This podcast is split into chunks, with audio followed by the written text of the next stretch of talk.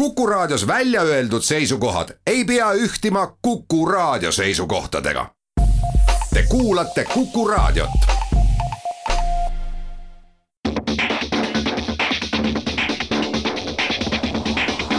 autotund. see on saade sulle, kui sul pole päris ükskõik, millise autoga sa sõidad. Tere kuulajad autotund eetris, stuudios Tarmo Tähepõld ja Martin Mets Geenius uudisteportaalist ja täna on meil veidikene jälle elektriauto teemaline saade, sellepärast et saate teises pooles tutvustame me ühte suurt edetabelit, mis äh, Geenius kokku pandi. aga reklaamime kohe välja, millega on ikkagi tegemist, tegemist on sellise edetabeliga, kus äh, meie spetsialistid, autoajakirjanikud panid järjekorda paremas järjekorras kõik Eestis müüdavad elektriautod ja veel mõni peale, näiteks nagu Teslad, sest neid vist ametlikult ei müü, müüda, aga saad tellida. no kolmkümmend kolm autot on äh, praegult nimekirjas, jah. et äh, püüdsime nad siis panna tõesti paremuse järgi ja, ja vaatame siis saate teises pooles, äh, kuidas meil see õnnestus. Saate esimeses pooles räägime uudiseid, rohkem liikuvusteemalisi, Citybi Elmo, luksusautode hinnad, sportautode saatus ja veel paar asja. nii, aga meie iganädalane selline rubriik, mis siis nädalas juhtus, mina pikalt sellest rääkida ei saa, ma panen praegult, olen see mees, kes iga hommik ja ka ütleme, lõuna paiku paneb oma autot selle boosteriga käima. Äh, väljas on pluss kümme, et pluss kümme. temperatuurid on langenud. see õnnetu hetk, kui su aku lihtsalt täiesti ootamatult sureb ära, ma ei ole jõudnud veel, aga ma tahtsin lihtsalt öelda, jumala geniaalne riistapuu, soovitan kõigil osta, see on see selline akupanga suurune asi, sul on see kogu aeg autos kaasas, tal on tohutult seda võimsust, äh, püsib külmas ja kõiges see võimsus sul seal sees, võtad selle väikse, paned need krokodillid külge, paned auto käima, võtad ära, geniaalne, soovitan kõigil. vanasti oli see asi palju-palju tüütum, aga, Just, aga palju sellised äh, ristapuud umbes maksavad? kuskil saja euro ringis ja sellest peab, äh, kui sa valid õige, sa saad laadida oma läpakat, telefoni, ühesõnaga see on akupank, mis suudab autot käima panna. ja sellel konkreetsel, mis ma siin kolleegilt laenasin, on viis nagu seda tähist, mis näitab, kui täis ta on. ma olen oma autot käivitanud viis korda ja see hetkel näitab, et on jätkuvalt täis nii et ma ei tea, miks ma seda akut üldse ostan. no võib-olla seda nii-öelda voolu nagu ei lähe palju vaja, aga on vaja ühte korralikku surtsakat korraks. nii, aga teine asi, mis ma tegelikult tahtsin rääkida, et ma käisin siis nädala, eelmise nädala lõpus lipsasin läbi ikkagi Tartu motoshow'lt ja, ja kõik see jutt, kuidas tänapäeva inimesed ei huvitu autodest ja tehnikast ja, ja kõik tahavad istuda ainult isejuhtivates autodes või kodus või ma ei tea, jalgratta seljas. tegelikult see koroonaaeg on üldse, küsin nagu, me, me kõik peame nagu küsima, et kas tegelikult üldse sellistel messidel, konverentsidel ja kõigel sellel üldse on enam tänapäeva muutunud maailmas kohta? on vähemalt Tartu pealt, sest et äh, Saba ja seal oli kaks saba, üks oli see, kus inimesed testimas käisid ja eks see sissepääsemine natukene võtab rohkem aega tänapäeval, aga siiski saba oli hiiglaslik, kes kõik tahtsid lihtsalt osta piletit ja tulla vaatama, seal oli muidugi seekord ka põllumajandustehnikat, hästi palju moto, noh, ühesõnaga kõik need muud messid, mis on siin ära jäänud, olid Tartusse kogunud laupäeval imeline ilm, tohutu palju neid tuuningautosid, alati ma imestan, kui ma sinna lähen, see kogus matka, busse ja Haagis suvila müüjaid, meeletu, kes need kõik ära kas ostab? kas neil on veel midagi müüa, ma küsiks no, pigem neil vist, neil vist isegi on, aga teine asi muidugi on jah, see naljakas, see, kuidas äh, automüüjad olid seal ka väga ohtralt väljas, seal oli seal proovisõiduplats, mis on äh, ka minu arust täitsa geniaalne lahendus, et isegi kui sa ei lähe proovisõitu kõikide autodega tegema, sest sa ei jõua, siis sa saad ikkagi noh, ma ei tea, sa oled päriselt autot ostmas, istud ühte mm, -hmm, näpid seal natuke nuppe, lähed istud teise, mitte et sa ei kõnni mitme poe vahet, sõidab päev otsa mööda Tallinnat või Tartut ringi. et tohutu huvi, hästi palju, hästi palju päris või no ühesõnaga siis tavalisi autosid ja ma saan aru, automüüjad nii ühel kui teisel kuulsid, et kõik oleks jube kihvt, aga lihtsalt ei ole autosid, mida müüa et äh, kuulsin seal kõrval, no siin ei olegi marki vaja nimetada, kõigil on omad probleemid, et noh, laost midagi leiaks, ütles kliendile, aga kui ikkagi ise komplekteerid, siis ilmselt jaanipäevaks saad rooli. ja me ei räägi mingist luksusautost, kus keegi hakkab sulle õmblema sinu istet, vaid täiesti tavalisest niisugune äh, umbes kahekümne viie tuhande eurosest. aga mis seal kõige ägedam asi oli? ohoo see oli nüüd küll raske küsimus, no seal oli, mulle ikkagi meeldis nüüd see, see klassikute ja hobiautode ja seal oli väljas näiteks Urbans garaaž, mis Eestis tegeleb äh, vanade Porschede ümberehitusega, oli toonud sinna neli autot välja ja noh, et see oli hästi kirju läbilõige kõigest, mis nagu sellises Eesti väikses automaailmas toimub. nii et tore, et Tartus selline asi jätkuvalt toimub ja tundub, et rahval on seda vaja. väga hea. Äh, minu tähelepanek sellest äh, nädalast on tegelikult, äh, võibki öelda, et ongi tähelepanek. mind ikkagi üllatab see, et kuhu on meil Tallinna Tallinna linnas läinud arutelu selle kohaliku valimiste teemade ja kõige üle, et praegu jääb mulje, et lihtsalt, et tõesti, et on lihtsalt mingid paar veidrat teemat nagu äh, nagu see, et millised peaksid olema rattateed ja kus kohas. punased. jah, ja, ja, ja mis värviga tehtud. ja, ja milline see linnaruum peaks natuke üldisemalt, on ju, olema, et inimsõbralik, et noh, nendega on üldiselt nagu, teemadega on nagu raske vaielda, et miks mitte, võiks öelda aga, aga kas midagi nagu laiemalt või suuremalt ka, et mind, mind ikkagi huvitab see, et, et kuidas nagu ikkagi autoliikluse kitsaskohti lahendada, sest natukene jääb mulje, nagu Tallinn oleks selline kümne miljoni inimesega metropol, kus lihtsalt noh, ongi inimesi nii palju, et seda kõike ei ole võimalik liikluses normaalselt ära hallata, et mina nagu hästi ei tahaks seda uskuda, et ma saan aru, et Tallinn on natuke ebamugava kujuga, aga ruutkilomeetreid on siin ikkagi väga-väga palju, et see peaks olema kogu see teema ikka natukene laiemaks tõmmata ka, et eh, kus kohal autod sõidavad ja, ja miks ja kas sa tahad jõuda selleni, et nagu autojuhile tehakse veidike nagu liiga või? No mul on tunne, et nagu autojuht on vaata selline, tead, selline autojuht... halb inimene, tead, keda, keda põhimõtteliselt teda ei tohiks isegi linna sisse lasta, mitte mingil juhul, isegi ükskõik millega ta tuleb, sest ta kuskil sõidab autoga, et selline mulje jääb natukene. pigem on võib-olla see, et, et et äh, veel on okei okay,, aga me ei tohiks neid enam juurde lasta. sest et mina Tallinna inimesena sõidan päris tihti autoga, sõidan ka väga rasketes kohtades, nagu hommikuti Kalamajast välja ja siinsamas Merepuiestee, et äh, ma saan aru, et Kalamajas ju sisuliselt ühistransporti ju ei ole ju. no selles mõttes vahet ei ole, ta seisab saan... sealsamas ummikus, et äh, on küll, buss number kolm sõidab mu maja eest mööda, aga kui mina sealt välja pööran ja me kõik seal seisame, ega see number kolm läbi majade ei sõida. vot me võiksime hoopis rääkida sellest, et äh, kuidas Tallinnas ühistransport normaalselt lõpuks ometi tööle saada, nii et, et see enam ei käiks samu marsruute mööda, mis ta käis Eesti NSV-s. Et tänapäeval siin on nii palju, on kõik äh, need kohad, kus inimesed päriselt elavad ja töölt käivad, et see on nii palju ümber muutunud aja jooksul, et võiks selle asja ju ometi ükskord ette võtta suurelt ja põhjalikult ja panna Lasnamäele trammi käima ja, ja normaalselt ühistranspordi, mida inimesed tahaksid kasutada, et selle tahtsin... üle mingit diskussiooni ei ole, see on suva, me räägime sellest rattateest, on ju. et kui me ikkagi räägime, see on paratamatu, et need ratturid on vähemus, on ju, ühistransporti võiksid kasutada kaheksakümmend protsenti inimestest, et nende kaheksakümne protsendiga keegi nagu ei viitsi tegeleda Äh, ühesõnaga, mis ma tahtsin, millele ma tahtsin jõuda, on see, et, et kindlasti kuskil seal ähm, nendes magalarajoonides, et Tallinnas tekivad ummikud siis, kui juhtub mingi jama. keegi kuskil kellelegi kõksu teeb, tipptund ja siis on see saba seal paar kilomeetrit.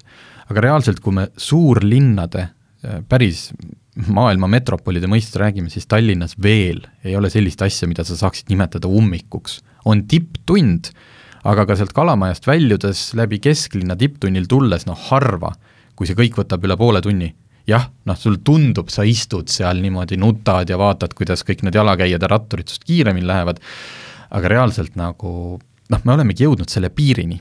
ja nüüd ongi, miks see kogu see rattateema on see, et neid autosid juurde ei tuleks, olemasolevaid me ei saa siit niipea minema. Need inimesed, kes roolis istuvad, nad istuvad aga see, et ei ostetaks teist autot, kolmandat autot perre, mul laps veel siis sõidab, eks ju, auto, noh et et nüüd inimestel on ikkagi kahjuks äh, valida mitu autot, sa võid endale ise ka neli autot osta. no ja siis, no aga, aga siis on see ummik tunnine, mitte poolene. ei ole selline koht, nagu ma kunagi ühe Malaisia ärimehega olin koos reisil ja, ja ta rääkis mulle, et noh, muidu kodu, me sõitsime rongiga ja see oli tema jaoks väga piinlik, sellepärast et et kodumaal tal on endal autojuht, kes teda sõidutab, et ta rääkis, et et tööle ta sõidab äh, kaks tundi Äh, lihtsalt noh. no, istub kummikus terve päeva. Või noh no, kaks tundi, kaks tundi sinna, äh, jala ta läheks selle maa nelikümmend minutit, et et ei, jah, et ma, Malaisias muidugi see, et ma olen seal isegi mõnda aega elanud ja kui sa ikkagi oled ärimees ülikonnaga, siis see nelikümmend minutit Malaisias jalutamist on tegelikult päris piinarikas. vot, teeme siia väikse pausi ja siis lähme uudiste osaga edasi.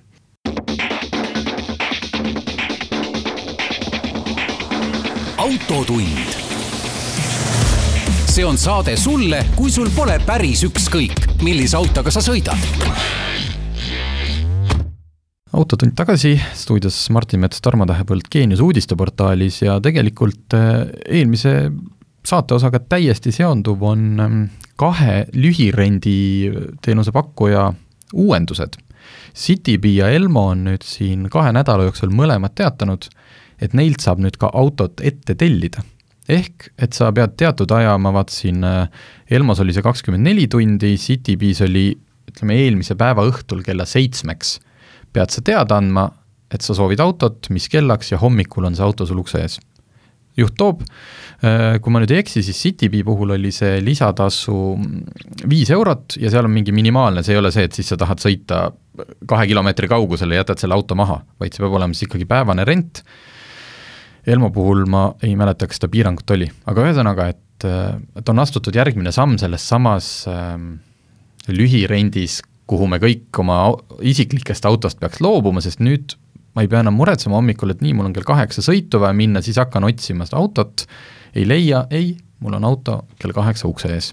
nii et äh, sinu meelest see on siis positiivne, jah? ei no ideena, et see, ta on astutud järjekordne samm, et mitte ei piirduta ainult sellega, et külvame linna nagu autosid ja, ja tõukse täis, vaid et noh, selle vana rendiauto mudeli asemel nagu tehakse, püütakse teha aina mugavamalt, sest kujuta ette, vanasti mingi kümme aastat tagasi, et Hertz nagu, et toob sulle auto ukse ette või naljalt nagu ikka ei too, mine ise sinna platsile ja täida nelikümmend kaks tuhat lehekülge mingeid ankeete. tõsi, tõsi. et noh, kas ja kui mugav see on, eks me, eks ma ilmselt mõnikord testin selle ära, näis, tegelikult... millega Bolt Drive vastab, ja, see... ja muuseas, Elmo on see, et Elmo teeb päris lahedat, et nad praegu testivad kuskil platsil siis, kui nad saavad Transpordiameti loa, hakkavad nad seda Paldiskis ka liikluses testima, et see auto sõidab sulle ukse ette mitte ise, aga mitte ka juhiga, vaid seda juhitakse eemalt nii-öelda puldiga, keegi istub roolis. sisuliselt sellise PlayStationi puldiga keegi toob su auto kohale. et noh, see ei ole ilmselgelt, ütleme, lähima aasta teema, kus auto päris liikluses hakkabki olema, aga nad vähemalt noh, mängivad sellise mõttega. see on selles mõttes ta nagu äh, okei okay,, et aega ilmselt kulub vähem, aga noh, ini-, inimene peab ikka, on seal mängus sees, on ju, ja on selge, et see päris niiviisi Äh, isejuhtivalt äh, niipea ei hakka juhtuma, aga tegelikult see haakub väga selle teemaga, mis sa mulle paar päeva tagasi rääkisid, et äh, Tallinna kesklinnas ei ole üldse rendiautosid saada enam. Jaa, see on ikka see, et kui inimene millegagi ära harjub, siis ta eeldab, et tal on see noh, kogu aeg, et kui noh, natuke nagu tõuksidega, et sa eeldad, et noh, mingi saja meetri raadius mõni ikka vedeleb. ja autodega oli alguses ka, sest inimestel polnud veel neid kontosid ja aga samas ju firma, nii Citybee kui Bolt külvasid linna täis, oli lihtne ja kuna mina Alfa Romeo omanikuna olen tihti ilma autota, siis äh, ühesõnaga on tulnud ette seda, kus ma, oh, mul on vaja minna, ma võtan Bolt Drive'i, võtan äpi lahti, ei võta seda Bolt Drive'i, lähim asub mul siin kuskil kahe kilomeetri kaugusel, mis tähendab seda, et ma peaksin kõigepealt leidma Bolti tõuksi, noh, vurama sinna see ongi mitmeastmeline lahendus. mitmeastmeline lahendus, et, et kas mina olen muutunud liiga mugavaks, kas ma elan lihtsalt sellises kohas, et äkki siin ei ole Bolt Drive'il äh, õigust parkida. parkida, mis on selles mõttes äh, ettevõttepoolne siis kas fail, et nad ei suuda ma ei tea, europarkide ja kõigiga nendega teha korralikku sellist diili, küllap ei taheta maksta, käib selline köievedu, kes kellele, vaata Selver viskas ju oma parklatest välja vist Citybee kunagi, et noh, ma usun, et seal oli lihtsalt number ei olnud õige, mida üks osapool teisele nimetas. et nagu jah, et eks ma, ma ei saa eeldada, et lühirendiga et see auto asub mu maja ees, sest see ei ole lühirendi point. aga paaril viimasel nädalal on olnud see, et, et ongi liiga vähe. ja Citybee puhul vastab see tõele, sest Citybee viis Eestist ära kõik Fiat viiesajad. seda on jah, viimasel ajal kurdetud, et Citybee autode hulk just on, on jäänud nagu märgatavalt väiksemaks ja siin on isegi diskuteeritud selle üle, et kas nüüd ettevõte üldse kaob äh, meie turult ära. et Bolt nagu sõi välja. et jah, et Bolt võitis, et see ju kokkuvõttes kokkuvõttes noh, ilmselgelt see ju peaks nagu olema Bolti eesmärk, et et möllata nii kaua, kuni äh, nõrgem annab järele, on ju mm. -hmm. Ühesõnaga, Citybee meile siiski kinnitas, et ei, neil ei ole plaanis Eesti turult lahkuda, Fiat viiesajad läksid ära sellepärast, et äh, nad on äh, ongi aeg, noh, selles mõttes liiga vanaks saanud, et äh, neid vahetatakse päris tihti äh,, osa autoparki saadeti suurema nõudluse tõttu teistesse Balti riikidesse, aga nad tulevad varsti tagasi. ja ilmselt siis tuleb rohkem autosid ka nende Fiat viiesada, viissada tasemel, et näis, et igatahes sellist äh, väidet nad ei kinnitanud. muide sellest, et enda isiklikku autot omada, siis et mis sa arvad, kaua need, üks rendiauto uuena või noh, liisinguauto, või rendiauto just, mis on võetud liisingusse, kaua see Eesti teedel see üks auto on, mis sa arvad? ajaliselt ma arvan, see vist oli, millal need Fiatid tulid, kaks aastat või?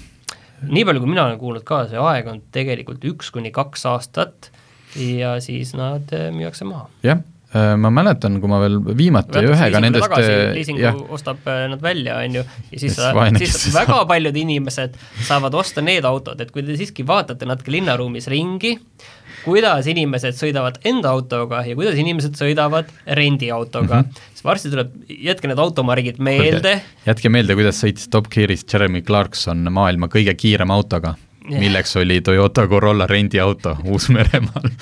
Et, et selles mõttes, et eh, jätke need automargid meelde, varsti mm -hmm. on selliseid autosid päris palju turul, mis on suhteliselt uued läbisõit, ma ei oska öelda, mis nende läbisõit on. Äh, ma mäletan, ma olen nende Fiat viitesadadega, nad on tõesti, ma panin tähele, viimasel ajal kadunud, aga, aga nägin ka autost, mis oli ikka kakskümmend viis tuhat ja niimoodi läbi sõitnud. aga kokkuvõttes ikkagi suhteliselt madala ja, läbisõiduga, uued autod, noh, selles mõttes uued, et äh, kaks aastat vanad, et tasub nagu silmi lahti hoida, et need võivad olla saanud natukene teistsugust kohtlemist kui kui nende inimeste käes, kui see oleks ühe omaniku käes olnud just, äh, siia veel jõuame paar kiiret uudist teha, üks puudutab äh, luksusautode hindu, ehk siis premium Nobel klass BMW Mercedes, Financial Times oli selline lugu, kus on äh, nii mõlema ettevõtte finantsjuhtidega tehtud intervjuu, ühesõnaga, mis see koroona ja nüüd see kiibikriisi aeg on luksusautode ettevõtetel tõestanud, on see, et kliendil, kui tal on raha, ta viitsib oodata seda autot, nad kuidagi vahepeal arvasid, et tuleb õudselt palju toota kohe valmis, et inimene tahab kohe osta ja ja hästi palju soodukat teha. Ja nüüd on see, et praegult on,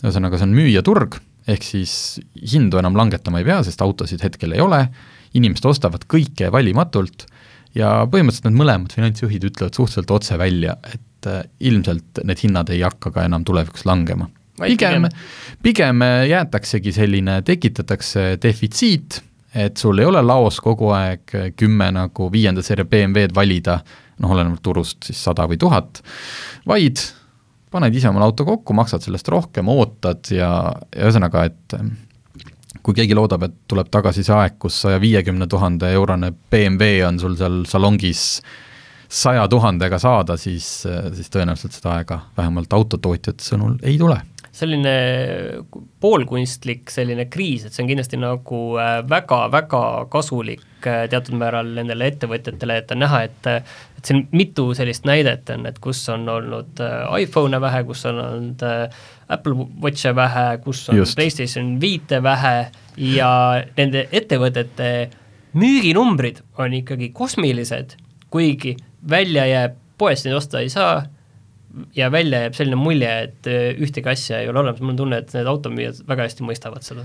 just, ja veel üks hästi kiire uudis, äh, tore uudis, et äh, kui me teame, hästi palju igasugused uued autofirmad, sellised startup ilikud, esitlevad oma paberil tohutu võimsaid ja ägedaid elektriautosid, siis üks pikapitootja Rivian kelle tootmisliinilt lõpuks veeres maha esimene kliendile mõeldud auto. nii et Rivian põhimõtteliselt on jõudnud turule ja hakkab päriselt autosid tootma. kui kiiresti, seda me veel ei tea.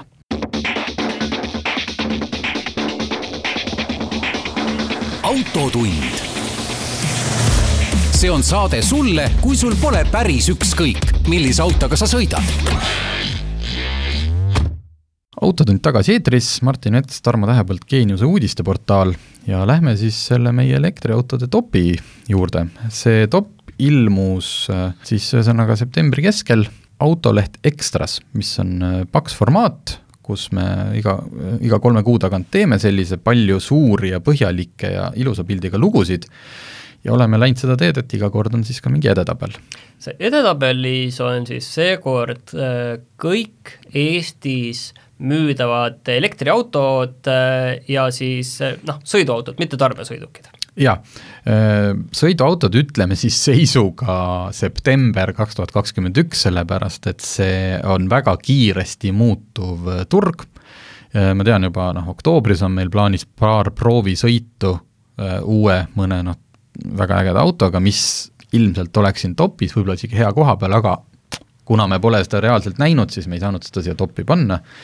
aga räägime natukene korra laiemalt, et kuidas see elektriautode nagu valik üldse Eestis on, et kui sa nagu vaatasite, et millest, mis sinna testi sisse võtta, siis oli, oli see pigem nagu positiivne üllatus või pigem nagu negatiivne üllatus, ma tean seda, et enamik autosid, mis tahtsite sinna võtta, vaatasite kõik, vaatasite ära, et aa, te olete juba kõigiga peaaegu sõitnud, et ja no arvestades seda, et äh, aastal kaks tuhat kaksteist, ütleme siis, kui tuli see esimene Elmo see kampaania, osteti neid äh, Mitsubishi Imieve ja Nissan, Nissan Leaf'e, oli noh, oligi põhimõtteliselt kaks autot valida.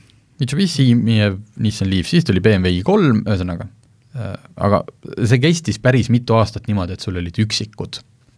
siis praegult sa saad valida kolmkümmend kolm erinevat sõiduautot ja nende hulgas on siis veel omakorda erinevad mudeliversioonid, ehk siis erinevate akudega, erinevate võimsustega või siis ka natuke natuke kere kuju on jah, et ja. Porsche Taycani sa saad osta ka universaali või sedaanina, meil läksid nad ühe alla mm. -hmm. nii et eh, noh, selles mõttes on valik ikkagi väga-väga võimas, eh, valida on nii tõesti pisikesest linnaautost kuni luksussedaanini, sinna sisse mahuvad eh, elektrilised linnamaasturid, pereautod, ühesõnaga tegelikult on kogu see skoop on kaetud. oota, aga nüüd selgita natukene, et äh, kogu skoop on kaetud, seal on hästi palju erinevaid autosid ja eesmärk on, et panna kõik paremusjärjestusse, et kuidas see nüüd käib, äh, seleta mulle natuke lähemalt, äh, et üldse, mida te nagu üritate saavutada sellega, et panna järjekorda? Oh, see on, on, on, on olnud raskeid ülesandeid ja väga raskeid, siis see elektri oma oli ikkagi väga raske, sest et kui me oleme teinud eelnevalt, ütleme siis, nimetame siis tavaliste autode toppe, siis tavalised autod erinevad üksteisest palju rohkem. alates juba sellest, kas tal on manuaalkast, automaatkast, mis mootor, kuidas mootor, automaatkast kokku käivad, mis häält ta teeb, noh, kõik, kõik need pisiasjad, siis elektriautod tehnoloogiliselt on ju palju vähem erinevad mis tähendab seda, et me ikkagi alguses lähtusime palju rohkem pra-, noh, puhtalt nagu numbritest. sõiduulatus hind. versus hind versus suurus, eks ju, noh, kõik need asjad. Need, need hästi konkreetsed numbrid. aga sama palju pärast seda hakkas kohe mängima subjektiivne arvamus, me tegime selle topi, panime kokku viiekesi, et, et see nüüd, mis seal see järjestus on, ei ole nagu ühe inimese arvamus. Ja, ja ütleme, selle topi puhul oli meil ka kõige rohkem, noh, ma tahaks öelda dramaatiliselt tülitsemist, aga vaidlusi, kus üks arvas, et see mingi auto peaks olema palju kõrgemal, teised ikkagi väitsid, et ei, tal on see ja see ja see viga, et ta ikkagi peaks olema madalamal, nii et noh, ma loodan, et siin keegi väga ei solvunud, kes on äh, seal lõpupool ma pigem loodan, et solvusid, aga aga selles mõttes, et eesmärk oli siis tegelikult valida välja, ma kujutan ette, et see auto siis, mis selline keskmine inimene kui tema Ta... tahab täna osta elektriautot, siis ta mm. võtab selle edetabeli ette, vaatab, et kohal number üks on see ja kui talle mingit, mingil äh, põhjusel no, ei sobi see keretüüp või, hind või läbisõit ei sobi, siis ta valib sealt järgmise ja järgmise ja, ja järgmise niiviisi, kuni just. ta leiab endale sobiva, sest teie olete juba mingite parameetrite järgi need kõik ühte paremusjärjestusse pannud, lihtsalt see paremusjärjestus ei pruugi sobida kõigile. absoluutselt, see on ikkagi mõnes mõttes ostujuht ja noh, selles mõttes, et äh, kui keegi tahab maksta nelikümmend tuhat eurot auto eest, mis sõidab kuni kakssada kilomeetrit, aga näeb välja selline nagu noh, kihvt, noh ega ma ütlen, et kuna tehnolo-, kuna tehnoloogiliselt on need autod nii sarnased, noh, seal ei ole niimoodi, et ära seda jumala eest seda viimasel kohal osta, sest ta mootor on kohutavalt halb. ja on kuulda, et selle, ma ei tea, kolvid käivad vastu klappe kohe varsti ja, ja õlipump annab saba, noh, ei ole, sest et nad on ühesugused. oota, aga võib-olla seleta natuke mulle seda, et palju üldse on nagu mõistlik elektriauto eest maksta? ütleme, et ma ei, kui ma ei taha nagu sellist luksust, aga, aga ma ei taha ka nagu nüüd päris, et, et ta oleks nagu päris selline, selline, kui see jääb kolmekümne ja neljakümne tuhande euro vahele. neljakümne tuhande euro eest ma võin sulle öelda, et saab tegelikult juba sellise elektriauto, millega sa ei pea selles mõttes kompromisse tegema nagu ruumikuse mõttes, võtame näiteks, ma ei tea, mis mul siin meenub, Peugeot kaks E kaks tuhat kaheksa või Opel Mokka E, mis on sellised natuke kompaktsemad linnamaasturid, aga kui sul just ei ole tõesti kaksikute käru ja jalgratast ja koerapuuri vaja sinna pagasnikusse toppida. mul kõik need on olemas, aga väga huvitav kokkusattumus. aga, aga, aga tagaistme ja esiistme ja kõige selle mõttes on sul ruumi piisavalt ja saad perega maale ka minna ja sealt tuua tagasi ka kastid ja õu-, noh, ühesõnaga. Ja siis see nelikümmend tuhat tähendab äh, tippvarustust.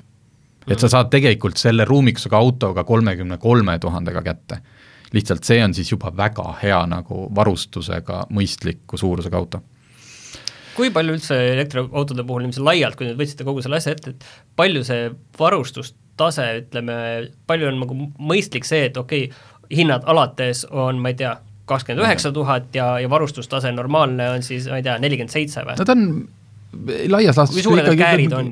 no ikka kolmandik hinnast, ütleme, kui mingid need suuremad linnamaasturid, seal Škoda Enyaq, eks ju, noh, võtame suurema akuga, hakkab sealt kuskilt neljakümnest tuhandest, noh, paned kümme tuhat, viisteist tuhat varustust vähemalt, noh, et oleks äge, noh, siis on kõik olemas. nagu, nagu nendega on ja kui on see Peugeot, äh, Renault Zoe'd, mis hakkavad sealt kahekümne kaheksast tuhandest, noh, siis hea varustusega auto on kolmkümmend viis tuhat. aga, aga mis see selline baasvarustus äh, tähendab võrreldes tavaautodega, kas on sisuliselt sama? Tegelikult täiesti, tegelikult on äh, täiesti hästi baasvarustusega ka juba, et seal on olemas enamjaolt ka juba kiirushoidik, mitte küll adaptiivne, noh, selles mõttes loomulikult on sul olemas see Bluetooth ja Apple CarPlay, Android Auto enamikel juba baasvarustuses, võib juhtuda, et saad isegi istmesoojendused. kaamerad on ka ta,, tagurduskaamera näiteks? ei, kaamerad kindlasti ei tarvitse baasvarustus olla, võib olla andurid okay.. et noh, et ei, sa ei pea, see ei ole niimoodi, et sul äh, baasvarustuses sisuliselt noh, ei saa istetki liigutada, vaid tegelikult on baasvarustuses ja tänu Euroopa Liidu äh, nõuetele igasugune elementaarne turvavarustus, igasugused stabiilsuskontrollid ja AB, noh, mingid äh, hädapidurdused, et on juba ju kohustuslikud. Et need on sees. vot, ja siis me hakkasime neid ritta vaidlema ja noh, ütleme, ütleme esitopp, top kolm on küll võetud niimoodi, et seal oleks sees äh, põhimõtteliselt nagu noh, kuldne kesktee. kuldne kesktee, et äh, noh, võtame sellesama Porsche Taycani, mis sai eelmine aasta Eesti aasta autoks. meil siin tabelist on praegult, ma näen, äh, kolmandal kolmas koht, kolmas koht., et ta on, ta on seal, esiteks ta on topis ja ta on seal kolmandal kohal täpselt sellepärast, et ta on hetkel noh, mis, ühesõnaga Eesti turul siis, maailma parim elektriauto mm. -hmm. aga ta on Tal ka on maailma viga. parima hinnaga. ta on ka maailma parima hinnaga, selles mõttes hakkab küll kaheksakümne kolmest tuhandest, aga reaalselt me räägime kindlasti väga palju üle saja tuhande maksva autost ja noh siis noh, see on üks väga suur viga paljude jaoks. aga, aga Porsche Taycan tundub juba, et ta on juba üsna niiviisi juba kaua turul olnud ja arvestades, et tegemist on kaua turul. No,, eelmine aasta tuli. no tundub, et on, sest sa räägid nii kaua, et, et mõtlengi, et kas see, see, see on nagu maailm, kus ju asjad arenevad megakiiresti praegu, et tõesti, tõesti ei ole tulnud keegi välja siin millegi kallima ja uhkemaga. kallima ja uhkemaga veel ei ole, ma tean Ameerikas Lucid Air, millega on esimesed ajakirjanikud sõita saanud, millel on, mis maksab noh, suurusjärgus sama kui Porsche Taycan, millel on üle tuhande hobujõu ja sõiduulatus seejuures üle kaheksasaja kilomeetri. ja ta on hästi stiilse disainiga, niisugune luksus, suur auto, et, et tegelikult on, aga Eestis veel ei ole. ta on Porsche Taycani noh, nii-öelda sarnane auto on Audi e-tron GT, aga ühesõnaga Porsche Taycani tehnoloogiaga teises, teises kehas, aga kui tehnoloogiliselt rääkida, siis ma ei tea, kas me selles saate osas jõuame siin vaadata nüüd mõnele autole ka otsa või veel ei jõua, esikoht, eh, Hyundai Ioniq viis, millest me oleme siin saates palju rääkinud. aga seleta nüüd kahe lausega ära, et miks? sellepärast, et ülikihvt disain, selle, et ta on täiesti täismõõdus auto, mis rahuldab ära kõik vajadused, selles mõttes noh, ruumi on palju, sõidab kaugele äh,, linnas üle kuuesaja kilomeetri, maanteel ligi viissada.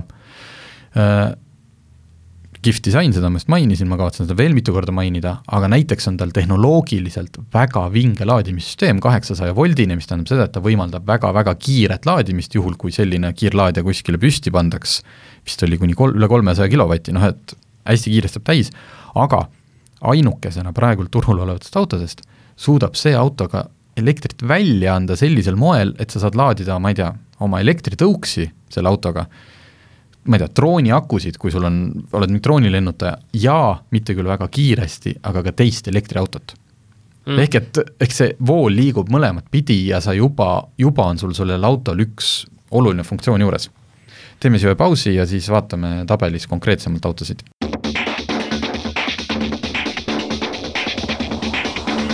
autotund. See on saade sulle, kui sul pole päris ükskõik, millise autoga sa sõidad.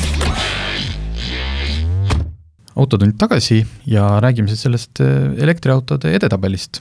Äh, Ioniku kohta, ühesõnaga, tal on kõik see olemas ja noh, ühe väikse veana on see, et ta hakkab neljakümne üheksa tuhande euro juurest, mis tähendab seda, et tal on sealjuures, siis on ta tagaveoline, küll kõik oluline varustus olemas, et ta ei ole selles mõttes halb ja kuuekümne tuhande juures saad sa juba nelikveolise täisvarustusega jube kihvti ulmelise auto. kui suur üksmeel nüüd oli selle auto osas? Minule jäi silma, et, et mujal oli vaidlusi väga palju, aga siin tundus olema nagu üllatavalt palju üksmeelt. jaa, oligi, et Ioniq viis äh, oli, oli, oli topis ja, ja oli suhteliselt esikohal kohe ilma mingi aruteluta, sellepärast et ta on hetkel, ta on küll kõige värskem, aga ta on ka oma olemuselt lihtsalt nagu nii, nii teistsugune ja nii kihvt elektriauto. ainuke, et noh, tuleks ta nüüd veel kümme, kakskümmend tuhat eurot odavamaks Äh, minu, me ütlesime ära, et äh, Porsche Taycan on kolmandal kohal, aga kes on teisel kohal? teisel kohal on siis äh, nendest, ütleme, kõige mõistlikum Opel Mokka E.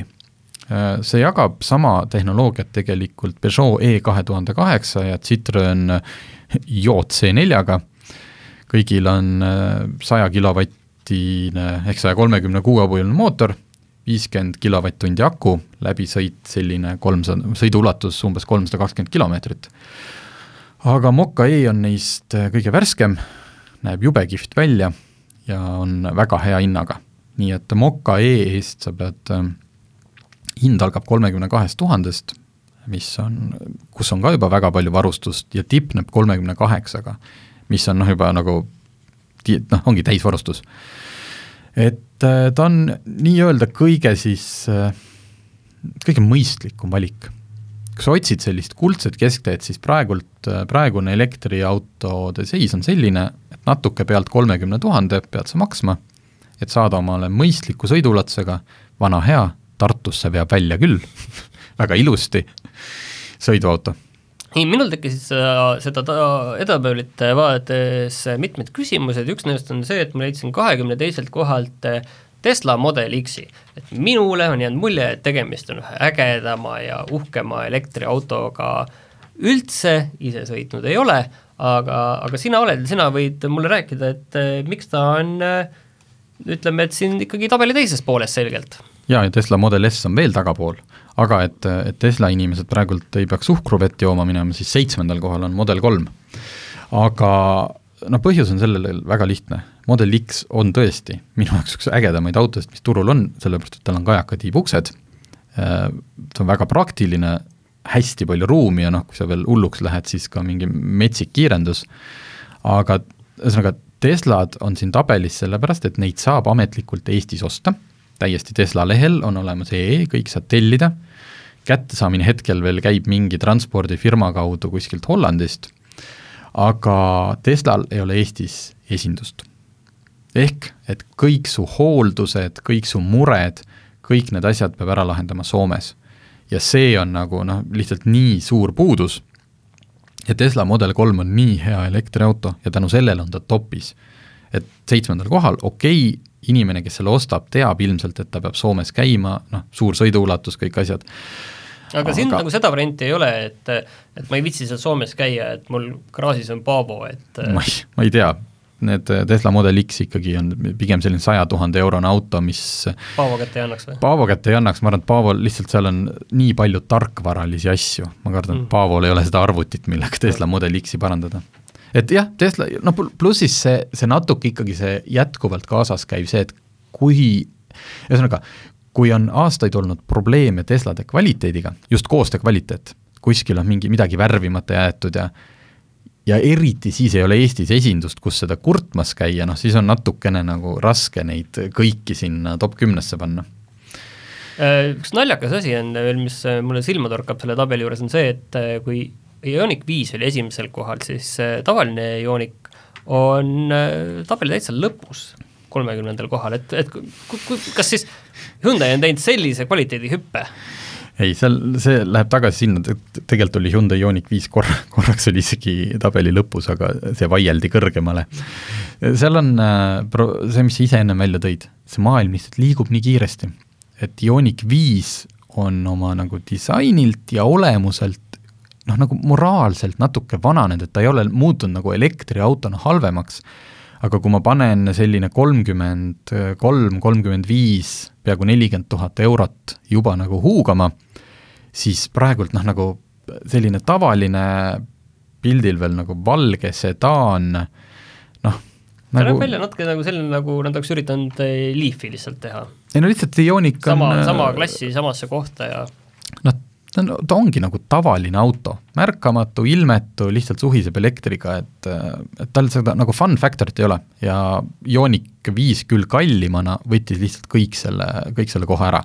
ja eespool on veel Hyundai Kona, noh mis ka nagu röövib niimoodi, röövib äh, sellelt tavaliselt Ionikult kuulsust mind just huvitas see, et kuhu te siis lõpuks siin selles äh, tabelis selle eelmises saates räägitud Dacia Springi paigutate, et tal on nagu hästi, hästi keeruline seda teha, kuna ta on äh, kõige odavam elektriauto, aga samas ta on ka selline suhteliselt halb auto. kohe nii, ütleksite? ei, ta on au-, selles mõttes ta uh, minimum viable product, ehk siis minimaalne asi, et seda saaks veel autoks nimetada uh,, ta on jah, neljateistkümnendal kohal ja no jällegi, et küll oli ta vahepeal kahekümnes, noh siis ta kerkis nagu kõrgemale, lihtsalt hind, hind on nii suur argument, et kui sa saad kuueteist, okei okay,, ütleme, et võtad selle tippmudeli, millega meie sõitsime, kaheksateist tuhat eurot, noh, järgmine elektriauto on, tuleb sealt kahekümne nelja tuhande juurest, seal Volkswagen e-up ja Fiat viissada, et see hind on nii suur argument, et me ei saa teda jätta nagu tabeli lõppu et, et kui inimene on kellelgi selline ainult linnasõiduauto vajadus, mis noh, ja, ja teda ei huvita ükski kell ja vile ja see plastik on okei okay,, siis Spring nagu äh, avas selle uue ehk siis tugevalt alla kahekümne tuhande euroste autode nii-öelda poe, mida siiani ei olnud. Mm.. mõni võis kunagi vist äkki kas Škodal oli seesama e-upi oma versioon mis noh, nii-öelda reklaamplakatil vist oli korraks alla kahekümne tuhande, aga noh, reaalselt, reaalselt sa ei saa. rääkides reklaamplakatitest, siis seal on palju näha Volkswageni ID4-ja ja, ja see on äh, kaheteistkümnendal kohal, et äh, ta on ka selline korralik konkurent, võiks ju olla Ioniq viiele, et, et aga miks ta on äh, rohkem kui kümme korda kohta allpool? noh, sellega isegi väga palju vaidlust ei ole kuna samast perest on olemas Škoda Enyaq, kes sai viienda positsiooni, jällegi, sama, sama tehnoloogia, samad akud, sama mootor, lihtsalt Enyaq, Škoda on tehtud nii palju seest, jätab kvaliteetsema mulje. Volkswagen, ja see ei ole ainult äh, meie siis autolehe ja autogeeniuse arvamus, vaid seda kohtab auto nii-öelda meedias ka rahvusvaheliselt väga palju. et Volkswagen oma selle praeguse interjööriga ei ole tabanud kümnesse, kõik see, kõik, mis on viidud puutetundlikuks ja see, see auto on seest selline lage, on üritatud teha nagu Teslalikku sellist minimalismi, aga see tegelikkuses jätab mulje, et kui ma maksan selle ID4 eest noh, ka, et võtad suurem aku, korralik varustus, ta oli meil testis vist pea kuuekümne tuhande eurose autona, siis noh, sorry, aga sa tahad selle eest näha ka siis, et sa oled noh, mitte sa ei istu tühjas toas, kus on kõik minimalistlik, see on natuke odav minimalism on seal, noh, ta ei, ta ei ole veenev, eriti kui sul on samas peres see ENIAC. et äh, noh, seal, seal on see subjektiivne osa. et objektiivselt võttes on ta ENIAC-iga võrdne, subjektiivselt ta meile ei ole jätnud nii, nii head muljet. mis sealt tabelist välja jäi, mis nüüd nagu kindlasti nüüd varsti tuleb ja võiks kogu seda asja kõigutada? no üks on äh, jällegi me räägime, tegelikult paljud ei tea, et Hyundai ja Kiia on ka sama kontsern, nii et sarnase tehnoloogiaga saabub kohe varsti äh, Kiia EV6, millega meil on proovisõit planeeritud oktoobris, küll välismaal, mitte Eestis, Eestisse jõuab see järgmise aasta alguses. ühesõnaga Kiia EV6, siis BMW-l on tulemas päris, BMW-l on praegu üks maastur elektri peale pandud, aga nüüd tuleb päriselt nagu elektriautodeks ehitatud see imeliku välimusega iX. ja mina, noh, Nissan Aria äh, tuleb vist jaanuaris. Äh,, suur linnamaastur, hästi võimekas, selline nagu ulmeline ka, ja noh, mina ootan muidugi põnevusega Mercedes-Benz EQS-i, mis kindlasti ei ole ka noh, meie kõigi rahvaauto, aga mis võiks hakata seal sudima seda Porsche Taycani positsioone. et mitte kindlasti nii sportlik, kuigi sellest tuleb ka ülivõimsaid versioone, aga nagu selline luksu, esimene luksusklassi elektriauto. ootame põnevusega. aga minge siis vaadake, äh, autoleht Ekstra ajaleheputkadest ja tutvuge selle topiga. kohtume järgmine nädal